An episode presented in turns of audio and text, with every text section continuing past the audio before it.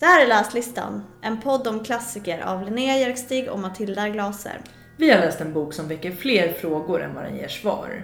Och ju mer vi tänker på den, desto mer växer den.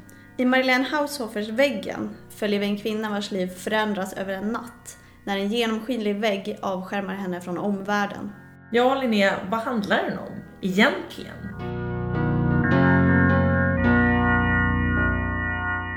Hej Linnea! Hej Matilda! Det känns så kul att sitta här med dig. Ja, och inte kvävas under sitt täcke. Det är helt otroligt att vi spelar in för första gången sen sommaren, men också att vi är på samma plats. Ja, kul att se dig. Detsamma. Det känns så härligt efter alla dessa månader under täcket att jag faktiskt kan titta på dig när jag pratar med dig. Det känns sjukt.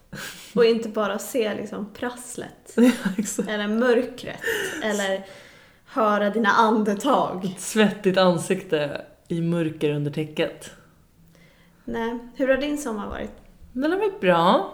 Ehm, ja, ganska bra lässommar faktiskt. Mm. Läst ganska mycket. Ehm, däremot så kände jag, nu har jag varit tillbaka på jobbet i typ två veckor och så fort jag kom tillbaka till jobbet så kände jag att det tappade det. Nu har jag inte läst typ en rad sedan dess så att det får bli lite återhämtning på det. Mm. Då är det perfekt att vi drar igång igen. Ja, verkligen. Jag behöver nog lite läslusten, lite påtvingad läslust. Ja. Men jättebra lässommar i alla fall som sagt. Med mycket, läst många bra böcker i sommar. Du då? Eh, Min lässommar har varit katastrofal. Nej, men jag har inte läst, jag har aldrig läst så lite som jag läst den här sommaren. Eh, Men däremot sen jag började jobba så har jag kommit in i läsflow igen. För jag behöver liksom så här, efter jobbet så behöver jag varva ner, Mm. typ läsa ett tag och komma bort från jobbet. Det är otroligt att vi har inverterade läsupplevelser här alltså. När jag slutade läsa då började du läsa. Mm. Kan vi inte läsa samtidigt? Um, det vore, ju bra för syftet av den här podden om inte annat om vi kunde läsa samtidigt. Planen är i alla fall att vi ska läsa samtidigt. Absolut. Det kommer nog gå bra. Och att vi rest, eller hela hösten ska släppa ett avsnitt i månaden. Precis. Lite mer sällan än tidigare. Men vi hoppas att ni ändå ska vilja följa med och lyssna. Vi har mycket intressanta böcker att avhandla. Nu tittade jag ner i mikrofonen, märkte du det? Som att lyssnarna satt här nere i Ja, mikrofonen. men jag gjorde också det. Jag såg dem där. I de här Det var när vi, när vi vädjar till dem att de ska stanna kvar. Ja, lyssna, fortsätt. Snälla! Ja, hoppas att, det, eh, att ni gör det. Det ska bli kul. Vi har jättemånga roliga böcker planerade för hösten. Mm. Och vi börjar, jag tänker i dina, nu tar jag orden ur din mun, Mm. att jag tror att du tycker att vi börjar med en riktigt bra bok. Ja, vi börjar med en av mina favoritböcker faktiskt. Eh, Väggen av Marlene Haushofer. Haushofer. Haushofer. Eh, ska jag berätta vad den handlar om? Gör det! Ja. Eh, jag, ska, jag ska göra ett försök. Ja. Det handlar om en kvinna i medelåldern som åker med eh, sin, vad är det, sin kusin och Ja. hans fru till en jaktstuga i typ Österrike. Eh, och de åker till den här jaktstugan och allt är som vanligt tills eh, den här kvinnan vaknar upp dagen efter och upptäcker att de här personerna inte alls är i stugan. Mm. De har farit iväg kvällen innan men de har inte kommit tillbaka. Och hon blir väl inte så orolig direkt men sen, sen börjar hon ju känna att något är fel. Och då går hon ju ut ur stugan och eh, plötsligt går in i en glasvägg. Mm. Hennes hund börjar blöda ur munnen och Ja, precis. Han springer in i den här liksom hårda, stenhårda men helt osynliga väggen. Ja, exakt. Och så ser hon ju ganska snabbt att på andra sidan väggen står allt stilla. Så alla människor har frusit, de rör sig inte, de tycks inte leva, Nej. inte djuren heller. Ja, precis, hon tolkar det väl ganska snabbt som att de är döda. Liksom. Mm. Det är väl kanske den tolkningen som man själv skulle göra också. Men Ja. Eh, ja, men exakt. Och det är väl det som är liksom premissen Mm. för den här boken. mm, Eh, det är där den börjar. Och det är också där den tar slut på sätt och vis. Mm. För den handlar ju mycket om hennes liv bakom Mm. den här väggen då. Men den är lite svår att beskriva för att den här boken handlar om så mycket mer. Ja, det kan man ju lugnt säga. Och egentligen inte alls om det här, egentligen. Hur menar du då? Nej men jag vet inte, jag tänker typ att... Eh, nej men att väggen egentligen inte är så viktig. Och att det Nej. inte är det som är liksom... När man beskriver boken så här så låter det som att det är det viktigaste Mm. som driver den här berättelsen framåt. Mm, ja. Men egentligen så eh, bryr hon sig inte så jättemycket om den här väggen. Nej, precis. För att vara någonting som är för det första så obegripligt, men också mm, kanske framförallt någonting som förändrar hennes liv totalt. Det här är ju en kvinna som liksom har bott i stan och eh, har barn Mm. och omgiven av eh, vänner och bekanta och ändå lever någon sorts lite sådär välbärgat eh, storstadsliv liksom. Så är hon ju nu plötsligt helt ensam i skogen, eh, i liksom en liten jaktstuga med de enda, sina enda liksom sällskap är eh, lite olika djur. Mm. Liksom. Så hela hennes liv förändras ju, premisserna för hennes verklighet förändras ju totalt. På Och- en dag. Eller På- över en ja, natt. över en liksom. natt liksom, bokstavligt talat. Och trots det, hon ägnar ju inte jättemycket tid åt, som jag tänker att jag skulle ha gjort, att typ så här försöka utforska den här väggen ännu mer, Mm. försöka gräva sig under den, försöka... Hon resonerar ju kring de här grejerna men hon lägger ju inte jättemycket energi på det. Nej, nej, det gör hon ju inte. Jag tycker typ att hon accepterar väggen oväntat snabbt. Precis. Men också drar en slutsats om vad som har hänt Just det. väldigt snabbt. För vi vet ju faktiskt inte att hela världen har gått under utom där hon befinner sig. Vi vet inte ens om eh, väggen tar slut. Den kanske Nej, tar slut. För precis. hon går ju bara liksom en liten bit längs den. Ja. Och sen orkar hon ju liksom inte längre. Nej. Så det blir nästan som att väggen inte spelar så stor roll. Typ. Nej precis, istället så liksom lägger hon allt sitt fokus och det är ju verkligen eh, ett otroligt fokus och ett otroligt hårt arbete på att bygga upp ett nytt liv Mm. bakom den här väggen. Med det liksom hårda fysiska arbete som det innebär att liksom försörja sig, odla, eh, ta hand om sina djur. Hon eh, hittar en ko eh, vid den här väggen som hon tar hem. Hon eh, lever med den här hunden och kon och katter och liksom Hon ska börja jaga, hon har liksom aldrig gjort Exakt. det förut. Och samma sak med odlingen, det är liksom inte så att det finns ett trädgårdsland. Nej. Utan hon måste ju börja från scratch. Ja, ja precis. Hon måste Dela börja en potatis. grodda potatisen. Ja. Ja. men precis. Och det är ju ett extremt hårt fysiskt arbete och det är ju det som liksom, alltså om man tänker bara sett till liksom antalet sidor så är Mm. det ju det boken handlar om. Vi Mm. kommer ju såklart kunna gå in mycket, mycket djupare i vad den egentligen handlar om. Men Ja. om man liksom bara ser till själva handlingen så är det ju just det här, hennes egna dagboksanteckningar, för det är ju det som liksom Mm. är premissen för boken. Hennes egna dagboksanteckningar över vårsådd och höstskörd och hur hon eh, liksom hugger ved för att klara den kalla vintern. Och Och, hon lär sig att mjölka. Exakt. Och, ja, men varje, varje detalj beskriver hon ju mm, jättenoga. Och vad som händer vilken dag och vad klockan är. Mm. Och vad, men eh, du nämnde att boken är ganska kort. Den Mm. är ju typ 250 Mm. sidor ish. Och jag tror att det är efter typ 50 sidor som man får en väldigt tydlig bild av också av att hon har accepterat den här väggen. mhm. För att det första hon gör är ju att plantera träd efter väggen för att typ kunna se den. Just det, hon sätter lite liksom något sly liksom som sen tar Exakt, rot. så att de Ja. inte ska gå in i den. Eh, Men efter ungefär 50 sidor så beskriver hon liksom att det här har börjat växa så mycket att hon knappt kan se väggen. Liksom, att det bara är som en stor häck. Typ. Just det. Och då tänker jag att det också är något tecken på acceptans. Typ. Mm, är intressant. Att den omsluter Ja. henne, häcken. Typ. Just det. Häcken, Ja. Ja, vad intressant. Ehm, nej, hon, hon, hon kommer väldigt snabbt in i den här... Det finns vissa spår av någonting annat när hon till exempel tänker på vad som har hänt med hennes barn och Mm.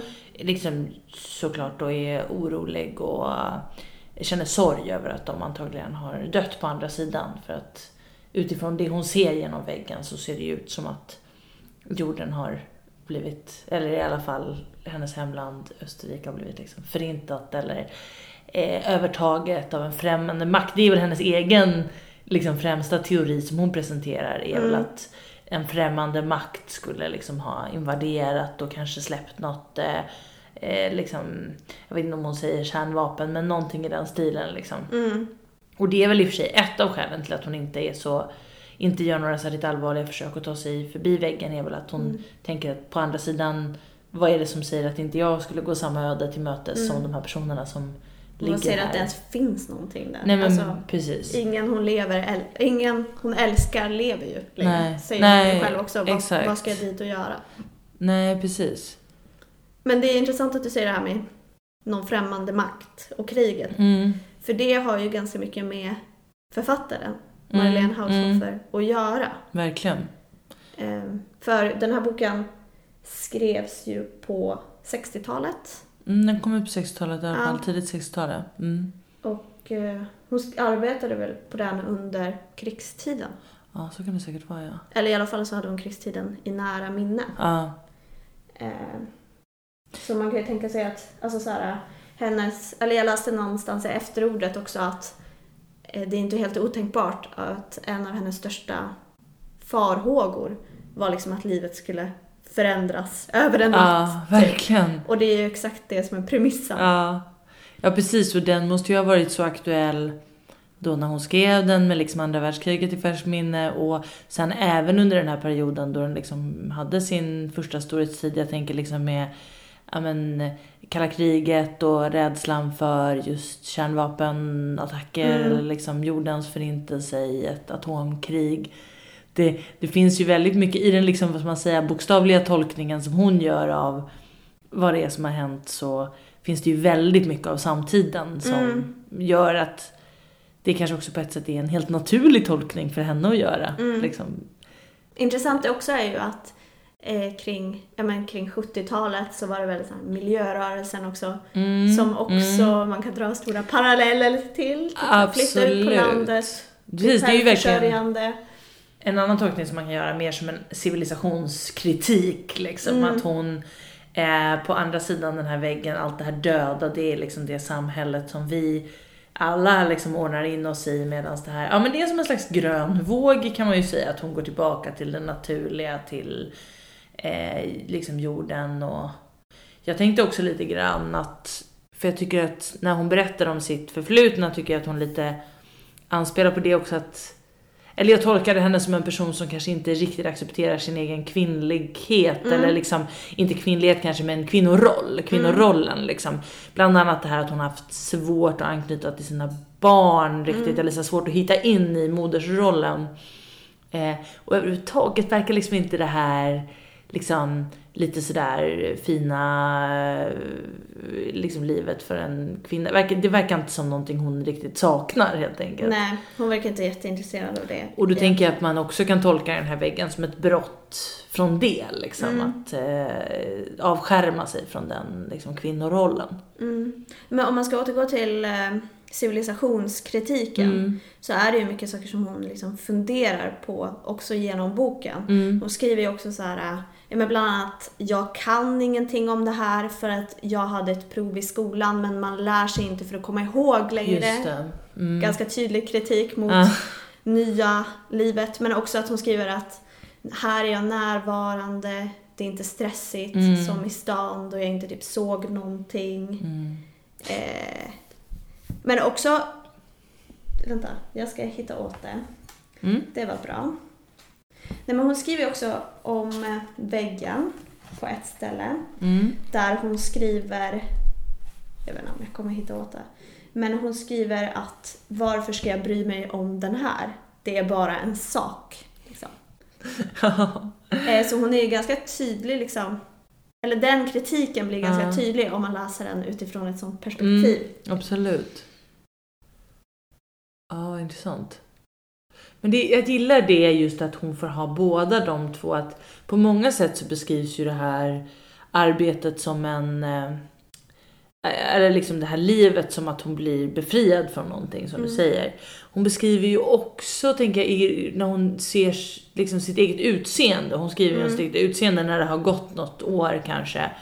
Och det här liksom extremt hårda arbetet, den väldigt liksom enkla kosten och allmänt att hon bara, hon klär sig praktiskt, hon eh, klipper av sitt hår så att det ska eh, liksom inte vara i vägen.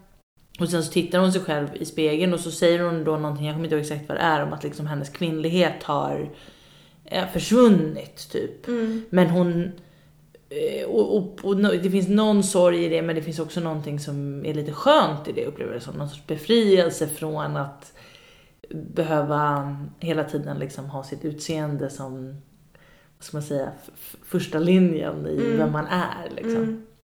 Nu bara är hon ett, liksom, någonting neutralt. Liksom. Hon är en, en människa. Typ. Exakt, Mm. precis. Inte att hon är en man nödvändigtvis utan bara att hon är en, liksom, ja, men en, en person. Liksom. Mm.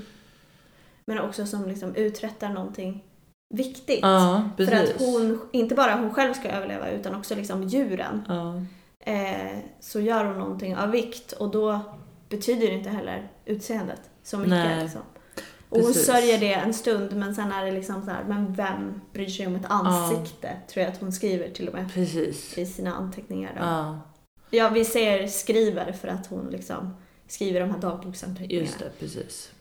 Men det, då kan man också tänka om man skulle göra typ en existentiell tolkning, Ja, vilket jag, jag älskar existentiella Mm. tolkningar. led Men- oss igenom en existentiell Ja, tolkning. det nu. ska vi göra. Ja. Nej men typ också att hon funderar mycket på så här, vad är mänskligt Mm, och vad är inte mänskligt? mm, Och hon funderar mycket på typ meningen med livet. Eh, och eh, ja men att man skulle kunna tolka som att allt det här i, inom den här väggen, inom den här sfären som jag tänker att det är. mm, mm. Jag vet inte om det är för så här, Stephen Kings The Dome man tänker Ja, exakt. men kanske. Kupolen liksom. Ja, Mm. exakt. Men att, eh, att så här, det är väl det här som är livet. Egentligen. Mm, Alltså exakt. så här, överleva, överleva egentligen. Fast Mm. man vägrar att inse det, typ. Och att hon, hon inser ganska snabbt att hon liksom inte kan ha kontroll. Hon kan Ah. inte kontrollera saker, hon kan inte fara därifrån. Hon är liksom fast här. Hon måste bara acceptera att det är som det är. Och det skriver hon ju också om de här farorna som är i skogen. Typ såhär, jag vet inte vad som finns i skogen och jag är livrädd för det. Mm, Men jag kan inte göra annat än att acceptera det. Nej. det är så det är. Så det är ju också som typ den största existentiella skräcken Ja. på något sätt. Men det där är så spännande för jag tänker så här, när man läser den här boken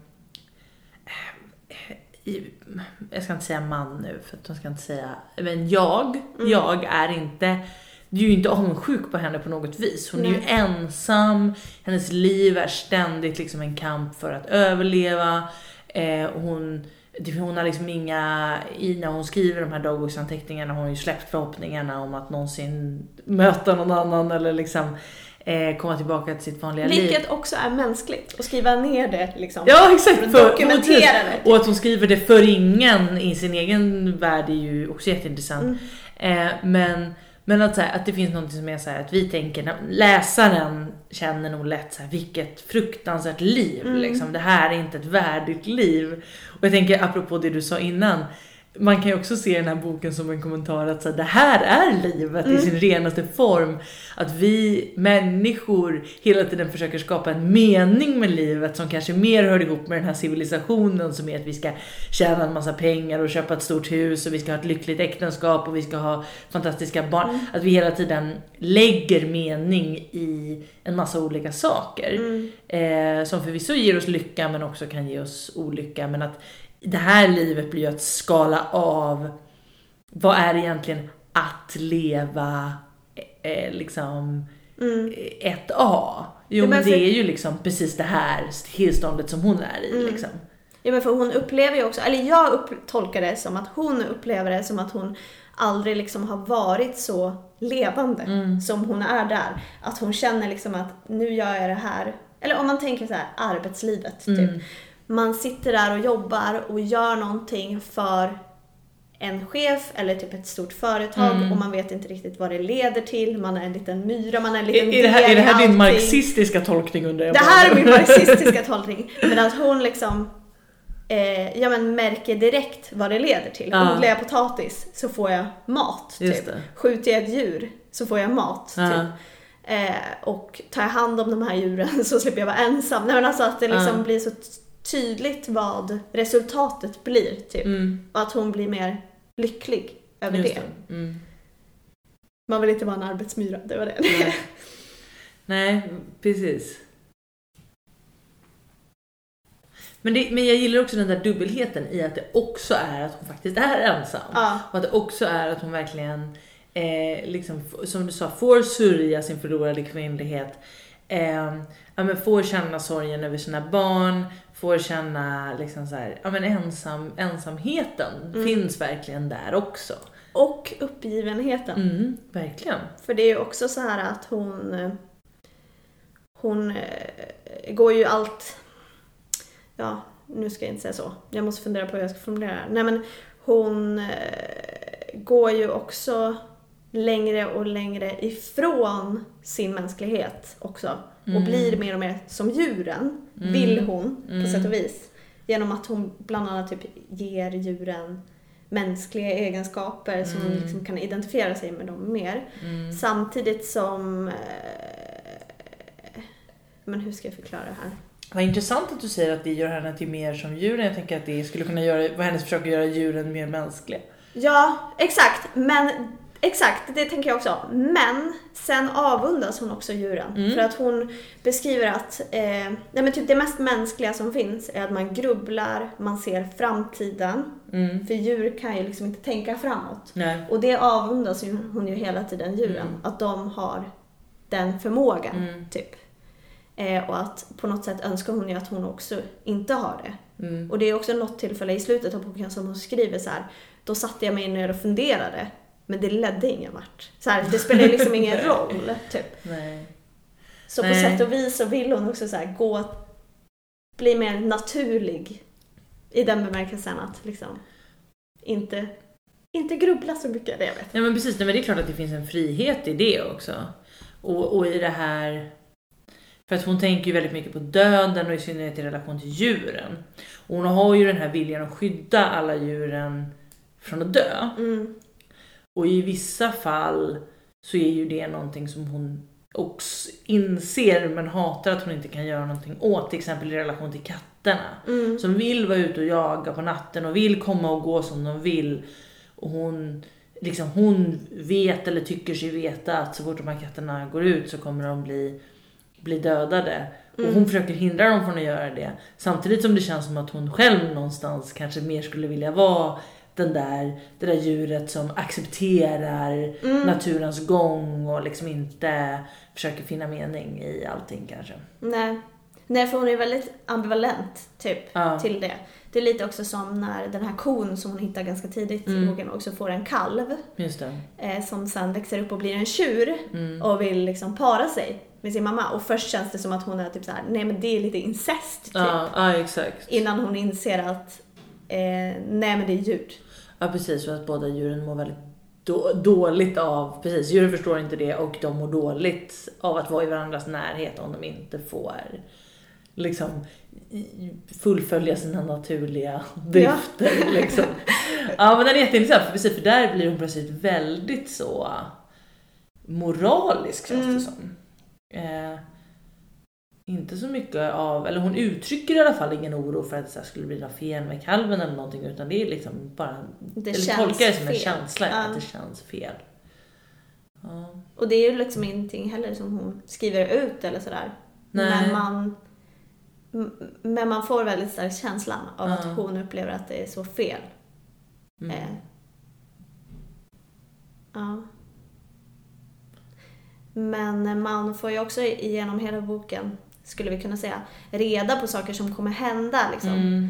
fram, framåt. Eftersom det är som sagt dagboksanteckningar. Eh, Precis. Och vissa saker får man ju reda på redan i princip i liksom första sidorna.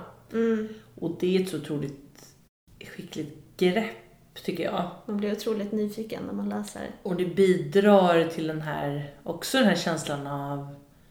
För, för hela den här boken har ju så här en klaustrofobisk känsla.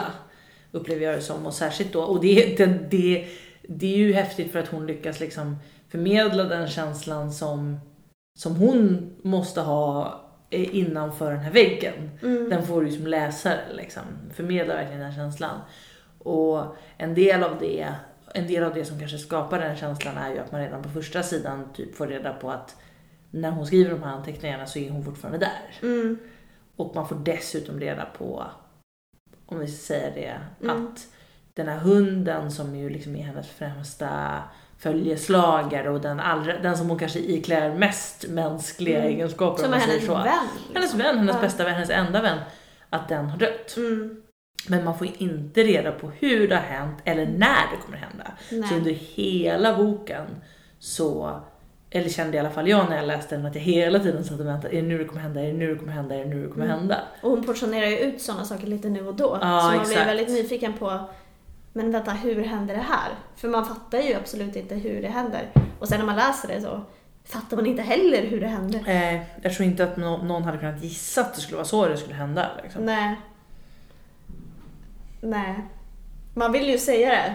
Men man vill också inte säga det. Ja, precis. Vi sa ju att vi skulle säga det, men Ja. nu känner jag mig ännu mer tveksam. Men vi kanske inte ska säga det. Ska vi, kan vi prata om... Men vi det kan här kan bli jättekonstigt. Vi kan försöka prata om det utan att säga det och som Ja. vi måste säga det så måste vi det. slu, man kan ju liksom prata om så här, slutet på den här boken. Mm. Det är liksom en väldigt stor eh, del, alltså själva handlingen i boken, händelserna i boken om man säger så, inte det som händer på insidan utan det som händer på utsidan, är ju väldigt mycket som vi sa, liksom säsonger kommer och går och det är de här praktiska göromålen och så vidare. Så det är liksom, det finns början, det är när väggen kommer upp och sen är det liksom pågår och sen finns det, ett, det finns verkligen slutet. Mm. Liksom. Exakt. Eh, och, Och slutet är inte slutet på väggen, utan slutet är bara slutet i boken. Slutet på boken, exakt. Liksom, och- men det är ändå liksom en händelseutveckling som, som sker väldigt hastigt och plötsligt. Ehm, Det är en överraskning. Om vi nu inte ska prata om vad den är, ska vi här. Kan du säga någonting om hur du tolkar slutet utan att säga vad slutet är? Mm. Ja, men jag tror ändå att jag kan det. Eller vänta. Nej, men alltså jag tolkar... Alltså man kan ju tolka slutet på en miljon olika sätt. Mm. Men jag tolkade slutet som att väggen inte fanns. Ah. Mm. Vet du hur jag tolkar slutet? Det Nej. kan vara samma sak. Mm. Jag tolkar slutet som att hon helt oavsett om väggen finns eller inte så väljer hon bort världen utanför. Mm. Nej. Ja, det är väl lite, lite samma, men Ja. ändå ganska olika. Ja. Eh, vill du börja berätta? Nej, Men jag tänker liksom att det här slutet, som vi inte säger vad det är för någonting, är liksom en ganska liksom direkt så här metafor för alltså att hon liksom, vad ska man säga, eh,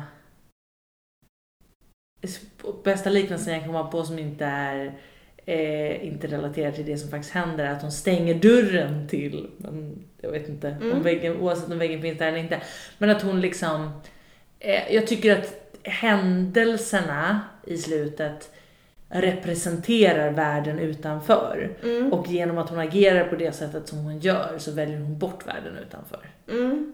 Om man, om man inte vet vad jag pratar om nu då är det så jäkla luddigt det här. Men ja. Men vi kan, vi kan väl bara säga att... Eller nej, men vi kan väl bara, vi kan bara säga så här.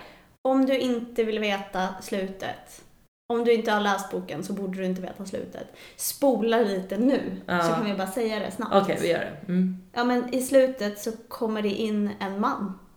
I Ja, precis. hennes, på Eller- hennes gård liksom. Det är en man Precis. på hennes gård. Eh, som dödar då hunden och tjuren. Precis. Ja. Precis, mannen, hon kommer dit när mannen är i färd att döda tjuren eller har dödat tjuren. Mm. Och då springer hunden fram och då dödar han också hunden. Mm. Och då Dödar hon honom? dödar hon honom, Mm. ja, då skjuter hon honom.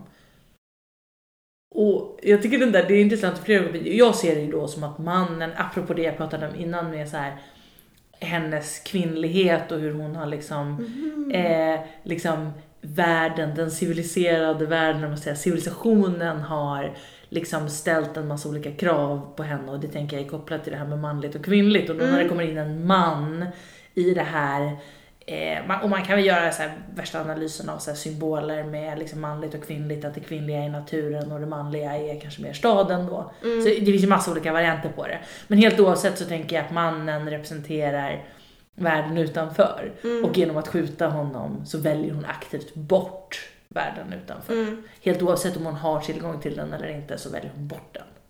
Okej, men jag har också gjort en liknande tolkning. Men först och främst, intressant att du säger det här med manligt och kvinnligt. För att jag läste också i efterordet att eh, feminismen också har plockat upp den här boken. På samma sätt som miljörörelsen Mm. Ja, jag fattar. det, Ja, liksom. precis. För den är ju öppen för många olika tolkningar. Så den kan ju plockas upp Ja, av lite alla ja, möjliga. absolut. Marxisterna uppenbarligen. Eh, nej, men jag tolkar det också som det, att det är liksom ett val. Mm. Eh, men jag tolkar det samtidigt som att väggen aldrig fanns och det som vi följde var hennes inre resa Mm. och hennes mående och typ depression. Mm. Mm. Eh, för att hon flyr ju från någonting, uppenbart. Ja. Och sen vet jag inte riktigt, alltså det alla tolkningar väcker ju fler frågor än svar. Mm. Men då vet jag inte riktigt vad som hände med de här personerna i början. Om de var med, eller om de inte var med, eller om hon dödade dem också. Om hon var galen, kanske. Jag vet inte. Men att hon liksom, hon är så manisk och liksom deprimerad. Att hon bara behöver gå in liksom i sin egen bubbla. Hon orkar liksom inte ta in någonting annat utanför. Mm. Och då tänker hon att det inte finns. Mm. Det finns ingenting annat än hon själv Just och det. det som är viktigt. Och så tänker jag också att det är om man är väldigt deprimerad, att man liksom inte orkar Mm. mer. Eh, men också liksom att hon, precis som också när man är deprimerad, att man hela tiden försöker hålla sig sysselsatt Mm. Mm. och hitta någon form av mening med det för att Mm. också inte orka tänka. Och hon vill ju inte tänka. Eh, göra sådana analyser liksom. Mm. Och det är också därför som hon liksom accepterar det här läget som hon har funnits, fu- hamnat i. Mm. För att hon har på något sätt valt eller i alla fall skapat det själv liksom. Ja men exakt. Att det är liksom hennes värld och där mår Mm. hon bra. Mm. Och då spelar det ingen roll liksom. Då spelar inte någonting annat något roll. För att hon har Mm. hittat sin plats. Men vad spelar mannen in i det här då? Nej men och då, eftersom jag inte vet om de andra personerna fanns, Ja. eller om hon dödade dem, eller Mm. någonting, så vet jag ju inte heller om han finns. Mm, Egentligen. Mm. För jag tänker typ att hon är galen. Just det. Men vad symboliserar han då liksom? Nej men då tänker jag likadant som du, liksom att han symboliserar Mm. ett liv som hon inte finner Just sin det. plats Mm. i. Just För att det handlar liksom om en ensam människa Mm. i grunden. Jag vet inte, jag vill liksom inte... Jag, jag känner inte så att jag tycker att det är jätteviktigt för mig, för mig att sätta ner foten med ifall väggen finns på riktigt eller Nej. inte. För att helt oavsett om den finns eller inte så delar jag din uppfattning om att den inte är det viktiga. Nej, Förstår du vad jag menar? Att den kan vara någonting verkligt, den kan inte vara det. Men i vilket fall som helst så är den liksom inte det viktiga. nej. För henne, för hennes inre resa är ju mycket större. Och den är inte viktig för boken. Nej, alltså den är inte nej, viktig precis, alls. Precis. Som hon säger, det är bara typ en kall, hård sak. Alltså såhär, den har ju ingen betydelse. Mm. Nej, exakt. Då kan man göra en kapitalistisk tolkning. Eller alltså såhär. Ja, jag vet Mm. inte. Men den känns väldigt, tycker jag, samtida. Så man kan bli väldigt förvånad att den skrevs ändå för, ja vad blir det, typ 80 år sedan. Eh, nästan, 75 kanske. Men alltså den kom ut 63 typ. Ja, Ja, då är den ju inte 80. nej vänta. Vänta, Nej just det, 60 ja. Ja men typ 70 då. Blir det väl. Nej. 40, 50, 60 då. 60. Knappt 60. Okej, det går bra med Se om huvudräkningen. min, om min mamma lyssnar på den här podden. Hon är född 63. Hon är typ 90 år. Nej men okej, men 60 All- alla, år. våra, alla våra läsare är över 50, lyssnare är över 50. Förlåt. Får be en offentlig Nej, ursäkt. Det är roligt också att du sitter och snurrar med håret runt pekfingret samtidigt. Du, förstärker verkligen den här bilden. Ska jag tugga tuggummi? Nej men förlåt, förlåt, den är skriven för. Ja, det är liksom knappt, knappt 60 år sedan, det är ganska länge sedan. Ja. Ja, men den känns väldigt samtida. Mm, absolut. Eh, och skulle lika som... Alltså det känns också som att den går att appellera väldigt mycket till idag. Typ då många... Menar om man ska göra typ depressionstolkningen, många mår Mm. dåligt, eller så här, många känner att de behöver komma ut till landet och hitta någon form av mening som Mm. de inte har i det här stressiga storstadslivet, typ.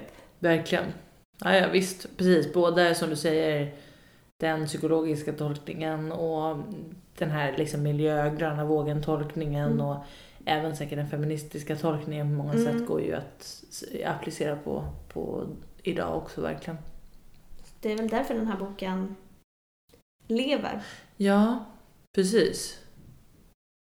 precis. Jag tyckte att en intressant bok, eller grej med boken också är att, att hon är väldigt besatt av tiden och datum. Mm, Eh, Men sen mot slutet så tappar hon uppfattning om både tid och datum. Tid för att alla hennes klockor slutar funka och datum för att hon blir väldigt sjuk. Just och hon det. vet inte hur länge hon har varit sjuk, så hon vet inte vilken Hon dag har det inte är. kunnat markera av kalendern. Ja. Nej exakt, Mm. hon är typ döende ett tag. Mm. Och det är också när, när hon tappar greppen om de här väldigt civiliserade mänskliga sakerna Mm. som allting går, beroende på hur man ser det, åt helvete Mm. Mm. eller blir jättebra liksom. Precis. Men ja. Nu kan vi inte riktigt gå tillbaka och prata om slutet igen. Jo, Ska vi göra det? Ja. Okej, om det är någon som har kommit tillbaka in nu så får ni hoppa över lite mer. ja. Eh, men jag tänkte på, på apropå, för nu har vi, så här, nu har vi satt så jättestora tolkningar i det här som Mm. händer där. Men man skulle ju också, om man verkligen bara ser det för vad det är, Mm. så är det också så här båda två agerar på ett sätt ganska normalt. Mm. Att han, tänker man så här, ja men som, som hon då har, har ju själv levt det här livet, jakten på överlevnad i ett samhälle där det inte finns några andra människor. Du ser en tjur Mm. som står någonstans och betar. Han tänker väl inte att det är någons tjur, för han tror inte att det finns några andra människor. Nej. Han försöker ju bara, eller liksom att, att han försöker döda den för att äta den. Det är ju Mm. ganska naturligt. Sen kommer det fram en hund och attackerar honom. Alltså, jag försvarar absolut inte att döda hundar som attackerar, men ni förstår vad jag menar. Det är ju en ganska naturlig försvarsmekanism. Mm. Även hennes liksom, efter att inte ha sett en människa på två år. Eh, alltså, man, alltså man, man kan ju ändå förstå varför de här personerna Mm. som har levt i total isolering agerar som de gör i det Mm. där läget. Om man vill tolka det bara som en att det är verkligen någonting som faktiskt händer. Nej Liksom. men verkligen. Verkligen, för att det är så lätt att känna typ att han bara är ondskan själv och Ja, vad fan exakt, håller han på med? exakt. För att man Det sympatiserar så mycket med Och- henne. Precis, och, och, och med de här djuren eftersom att hon har humaniserat dem. Ja. Så man känner ju så jävla starkt med de här djuren Mm. också. Liksom. Ja, men man blir ju väldigt illa berörd. Ja. Och känner ju typ, ja men lite om man ska gå tillbaka till din feministiska tolkning, Mm. att man känner ju vad fan är det här för manlig barbar? Ja precis, och som kommer liksom att um, våldför sig på det här vackra samhället som hon har byggt upp typ. Ja. Men också om man tänker efter, eh, som du säger, så reagerar ju hon också med våld. Ja, gud liksom- ja. Precis. Nästan ännu mer i liksom så som, som vårt samhälle ser på världen. Att han liksom utövar ju våld mot djur och hon utövar ju våld mot en människa. Mm. Och liksom, det kan man ju tycka man vill om men Och om hon var så civiliserad, Ja. eller, så borde hon ha frågat honom, vad håller du på med? Eller så Ja precis. Precis, hon försöker väl aldrig, hon säger ingenting. Ingen av dem, vad jag minns i alla fall, det här kanske jag kommer fel, se- pra, alltså säger väl ens ett ord till varandra. Nej. Utan det är helt tyst liksom. Nej, för de har ju också varit där, eller om vi säger att båda har levt i den här Ja. bubblan, så har de ju också varit där så himla länge. Mm. För man tänker att om de hade stött på varandra tidigare i boken, när det inte har gått flera år, Mm. så kanske de hade insett att de skulle kunna ha hjälp Ja, av ja, ja, varandra eller någonting. Men det tycker jag också är intressant när hon resonerar kring det. Nu går vi verkligen tillbaka i början, men vid något tillfälle så, så resonerar hon lite grann kring hur det skulle vara att ha en annan människa där. Mm. Och vem hon i så fall skulle vilja att det skulle vara. Mm. Och hon, hon, ja, hon, hon funderar lite grann på de här släktingarna. Eh, Jag minns det som att det var kvinnan som var kusinen och hennes man, men det kan ha varit tvärtom. Ja. Strunt samma. Eh, nej, men de skulle vara lite jobbigt. Det skulle vara jobbigt att vara tre och att de är ett par och lite sådär. Eh, och sen så resonerar hon lite kring någon man som finns där, typ jägaren eller något sånt där i trakten. Och då, men då känner hon liksom att så här, det fyller henne med skräck Mm. att vara ensam, isolerad med en man. Mm. Eh, och liksom för vem vet vad, som, vad han skulle kunna ta sig till och då skulle jag ju inte vara då skulle jag ju vara tillsammans med någon annan som hade mer fysisk i alla fall, Mm. makt än vad jag hade. Det, och det är ju det är ju helt rimlig analys men den är också så jag tycker också att den sätter fingret på hur obehagligt det blir. Mm. Att så här, det enda, säg att alla andra är döda i hela världen Mm. och det, det, liksom hon är den enda personen som lever. Ja. Och så liksom, ja, men och, och, och liksom över, mänsklighetens överlevnad typ bygger på att hon är där med en annan man. Mm. Men vårt samhälle är uppbyggt på det sättet att hon, Hon kan inte vara där med nej, någon annan. ex, eller precis. Mm. Men också, hon är ju också änka. Så hennes Just egen det. man liksom finns ju inte längre. Nej, Eh, men hon reflekterar ju också någon gång om, om hennes barn. Som hon säger att hon inte, alltså hon vill ju inte heller att de ska vara där. nej. De tycker hon ju inte ens om. Som Nej. hon skriver, hon tyckte om dem tills de var fem år. Ja, precis. Hon har liksom väldigt komplicerad relation till sina barn och till moderskapet och sådär. Mm. Hon landar till slut i att hon skulle vilja vara där med en äldre kvinna. Mm. Som skulle kunna, så att hon skulle ha någon att prata med och att hon saknar att skratta. För att hon inte skrattar Vilket längre. också tyder på att hon inte tänker på mänsklighetens överlevnad. Nej, precis. Nej jag skojar. Men jag kan också, det är ju också det som är så sjukt med det, att man alltså, kan komma in i så här, å ena sidan så här, okej nu ska ni börja bygga upp ett nytt samhälle här, men då behövs det ju en man och en kvinna och så. Mm. Men sen när hon skriver det där så det så här, kan jag verkligen förstå det Mm. också? Men för henne Att det är klart att man inte inte vill heller- vara ensam med en man, alltså Nej. en okänd man. Nej, Liksom vilken man som helst, en slumpmässig man. nej. Som är ensam kvinna i ett isolerat samhälle där ingen kan hjälpa Hon henne. vill kanske inte heller vara ensam kvinna, men äldre kvinna. Eller jag vet inte. Nej men det, nej, inte skitkul. typ. Nej absolut inte kul. Nej, Men jag menar inte ett lika direkt hot. nej, nej alltså, så verkligen. här, för det är ju det hon liksom resonerar kring. Att så här, hur, vad, tänk vad han kan utsätta mig Ja. för. Liksom. Om, han, om det är fel man. Så att Men säga. också typ att hon inte skulle ha makt över sitt eget liv. Ja, Alltså nej men vad precis. ska göra, typ. Exakt, exakt. Att, att hon automatiskt skulle vara den svagaste. Mm. Liksom, ja. Nej, jag vet inte, det blev ett lite luddigt resonemang men det, tog, jag, det, det var väldigt liksom, starkt på något vis. Mm. Ja, men det är väldigt starkt också att hon väljer ändå ensamheten. Alltså Mm. även om hon inte väljer den så väljer hon den ju också. Eller vara med djuren. Typ. Exakt. Men, eh, Och utan nej, men hon verkar inte heller vara orolig för att liksom mänskligheten ska gå under. Utan hon är liksom bara... Hon liksom bara finner sig. Vilket är så himla häftigt. Ja, Det är väl det absolut. som är liksom drömmen med livet. Och bara uppnå någon form av acceptans. Typ. Mm. Eller? Det skulle jag vilja. Ja, samtidigt så framstår det ju inte som så avundsvärt, tänker jag. Gör det inte? Jag tycker inte det ändå. Men jag förstår vad du menar. Fast jag, jag kan nog inte riktigt... Jag förstår också att det inte är det du menar. Men Nej. liksom att så här, det där med att vara ensam på Nej. det där sättet. Det kan jag faktiskt inte. Det är inte det jag menar heller. Men absolut, ja, det är väl klart att som sagt det finns ett skäl till att den där delen har tilltalat människor. Att det är det där med liksom att bryta sig fri från allt det som man bygger mening kring i vårt Mm. samhälle som vi pratade om innan. Det är klart att det finns något väldigt fritt i det. Och och i det här sin med att- egen djupa mening. Och precis och arbeta hårt med kroppen och liksom så skapa det man själv tar del av och sådär. Absolut, det förstår jag verkligen. Men Mm. ensamheten, Nej. den känns så jävla Nej men man fattar ju alltså. verkligen att hon måste ge mänskliga egenskaper till djuren. Mm. Även om hon inte döper alla djuren. Men Ja, Varför, gör, varför döper hon katten bara till katten? jag vet inte riktigt. Men det är för att hon ser att det är för svårt liksom. För sen Sätta döper hon en ju label. Katt, hon döper ju kattungarna och så. Ja, jag vet. Men jag vet inte, hon identifierar sig också så mycket med den där katten. Alltså den äldre katten. Mm. Eh, och de, hon beskriver ju att de är väldigt lika. Mm. Och vi får ju aldrig heller veta vad hennes namn är. Nej, just det. Så den katten kanske är liksom en liten dubblett av henne själv. Mm. Katten får ju också två kattungar Mm. under boken som båda två dör också. Mm. Tänkte jag på. Apropå att hon har Tre. två... Men tre? Ja, Pärla, Tiger och Tigers typ bror som dör väldigt Oj, tidigt kommer men ändå lever ihåg. ganska länge. Jaha, det kommer jag inte ihåg. Okej, då så mycket med den analysen. Om Ja. att det var hennes två barn. Men, Mm. eh, men ja. Men det är de som hon knyter, eller Ja exakt, det är ju. Tiger och Pärla som man kommer ihåg. Ja precis, sen får den ju flera liksom dödfödda kattungar Mm. också. Men de är ju liksom inte... Ja.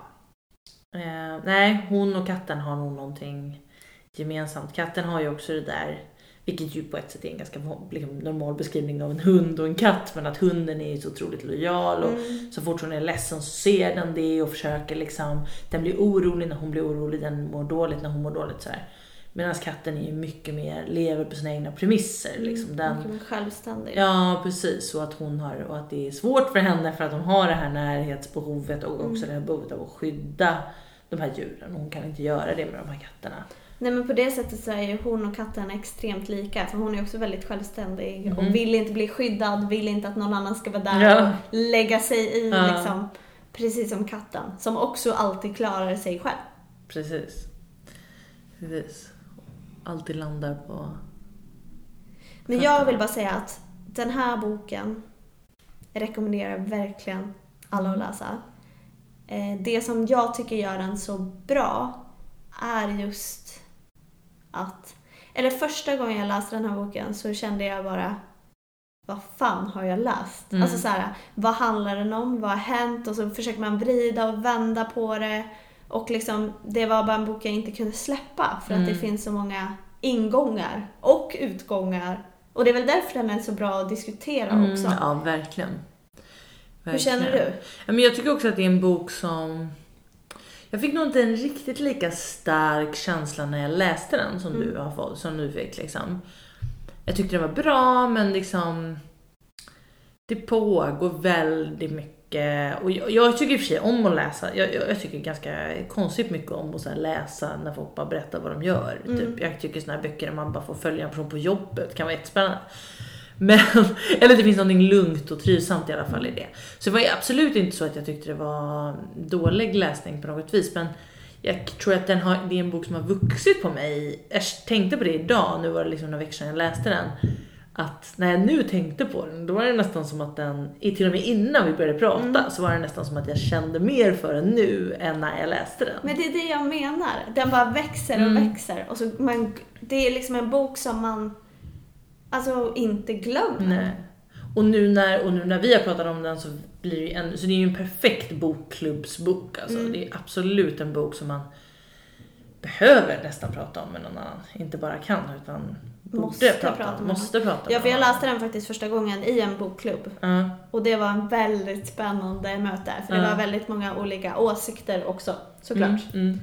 För jag kan tänka mig att om man inte gillar den så Nej, då, fattar man ingenting. Alltså Nej. då gillar man den inte alls liksom. nej precis, för då är det väl just sådär, ja, om jag skulle vilja veta om hur man får potatis och rota sig så kan jag läsa En bondepraktiker. Bondepraktiker, precis. Ja. Nej men eh, absolut, jag tycker den, den, den får högt betyg av mig också. Mm. Och jag kan absolut som sagt rekommendera att läsa men inte minst prata om den här boken. Läs och prata. Och sen lyssna på oss. Om ni inte redan har gjort det, då får ni lyssna igen. Och det, är spänn, det vore ju spännande att höra också om det var någon som har några, vi har ju kommit med en hel rad olika tolkningar här men det finns säkert många fler. Så Mm. att, har ni andra tankar och åsikter om den här boken så skriv gärna på vår Instagram, eh, att podden LAS-listan. Där vi eh, eh, jättegärna vill prata med er. Väldigt nyfikna på, Mm. på vad ni har att säga. Okej Linnea, du har haft en dålig lässommar sa du innan. Men har du läst något annat bra som du vill berätta om? Ja, men jag har läst eh, en bok. Nej, men jag läste en bok eh, som heter Den sista sommaren. Ja, den känner jag igen. Som du också har pratat om Precis. Exakt, och då hade jag inte läst den. Men nu har jag det. Av eh, Gianfranco Caligaric. Jag vet inte hur man säger hans namn.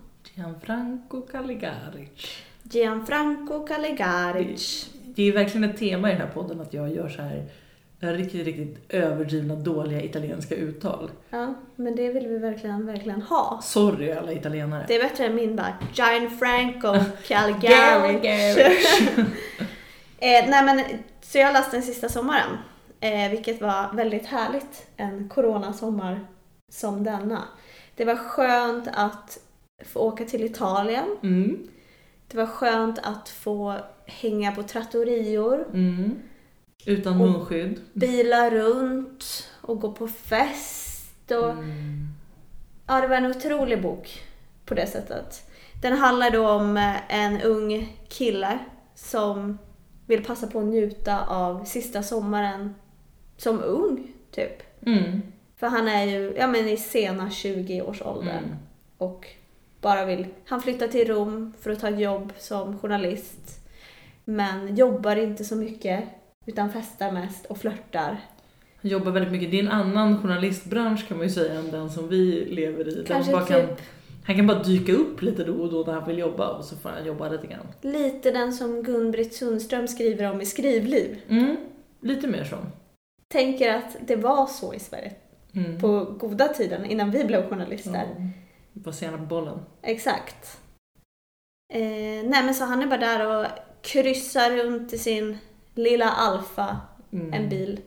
Och ja, träffar en tjej som han blir väldigt förälskad i och sådär. Alltså det är också liksom en... Det händer inte så mycket men det händer väldigt mycket känslomässigt. Mm. Men det som är intressant med den här boken tyckte jag är att allting är ganska öppet. Mm. Att alla saker som händer är ganska öppna för tolkning. Mm. Utan de skriver inte ut, han skriver inte ut vad som händer riktigt. Nej. Nej, eller absolut. typ om karaktärer ligger med varandra eller någonting. Utan allt skrivs liksom mellan raderna. Mm. Så jag tror att man kan få ganska olika upplevelser av att läsa den här boken. Absolut. Även slutet känns ju eh, i alla fall delvis öppet för tolkning. Ja. Ja, det gör det ju verkligen. Jag gillade slutet väldigt mycket. Mm, jag också. Jag Ja. också. Just i det. Att det bara var så här. Ja, det, precis. Det tog väl igen det som har hänt även tidigare då i boken. Att så här, ja, men det är nästan som en film där man liksom klipper precis före det som faktiskt händer. Så att Mm. säga.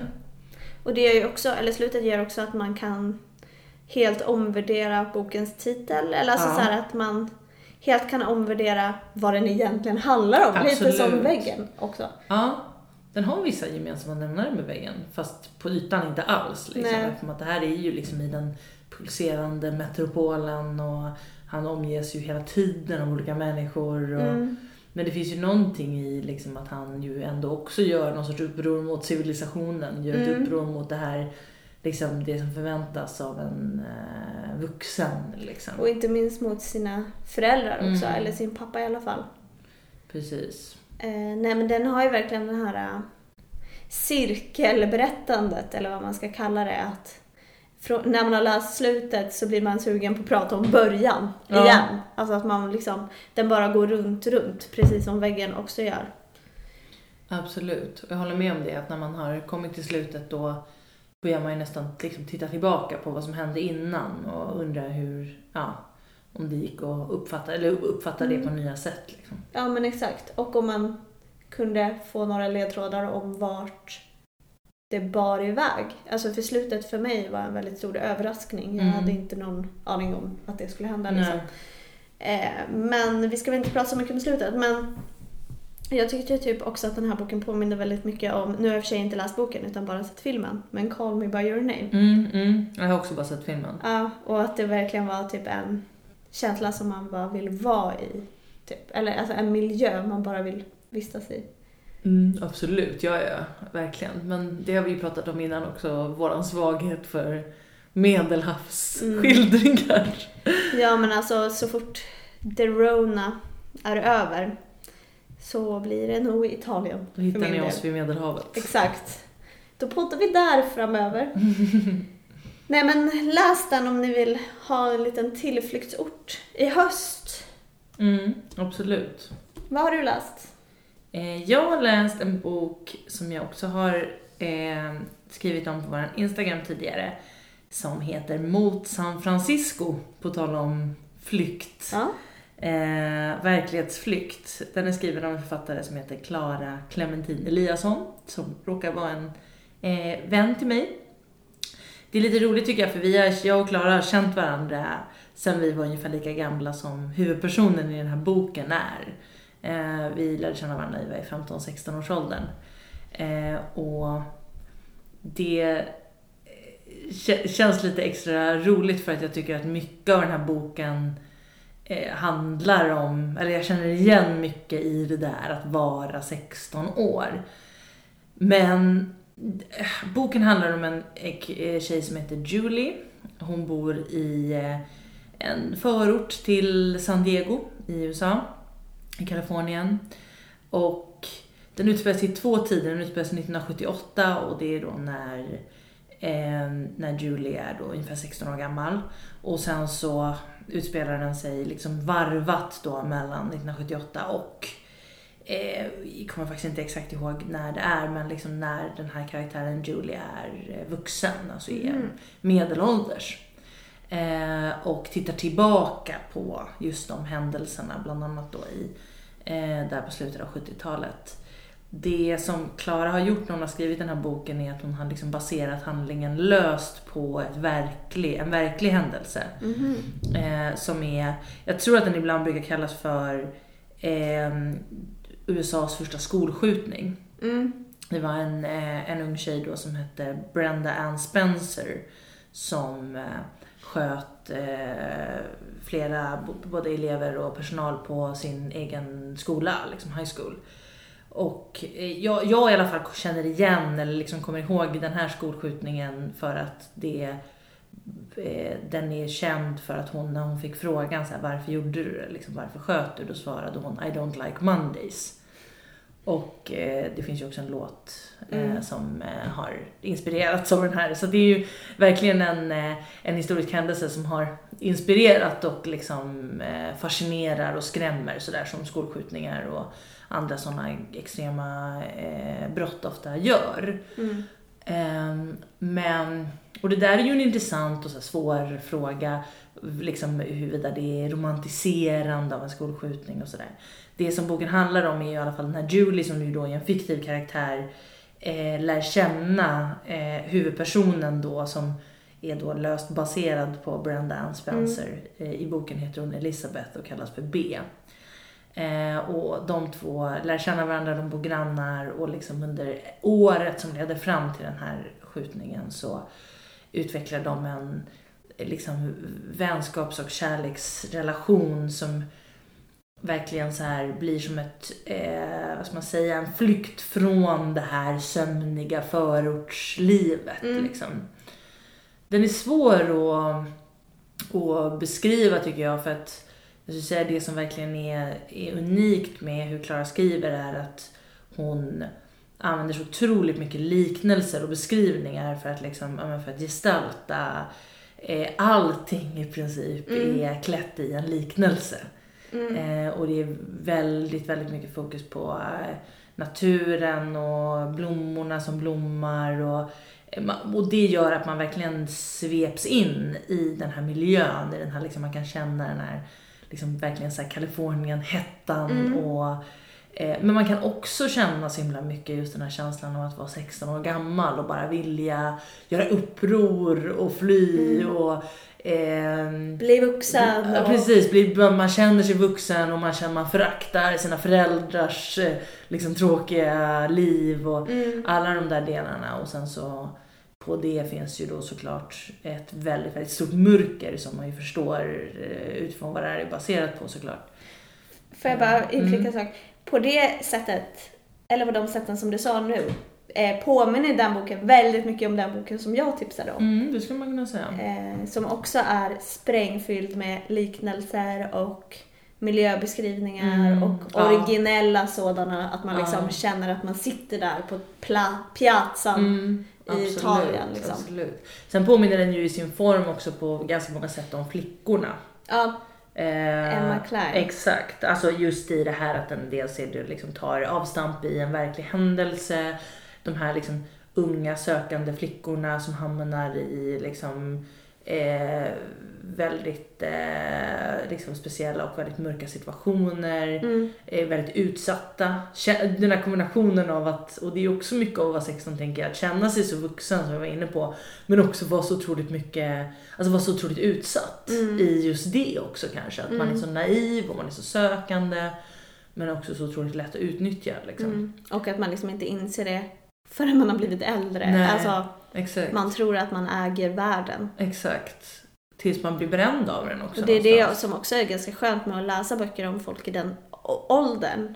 Att man kan få ganska mycket styrka Mm. av dem. Som typ exempelvis när vi läste Bonjour Tristesse eh, Mm. förra året.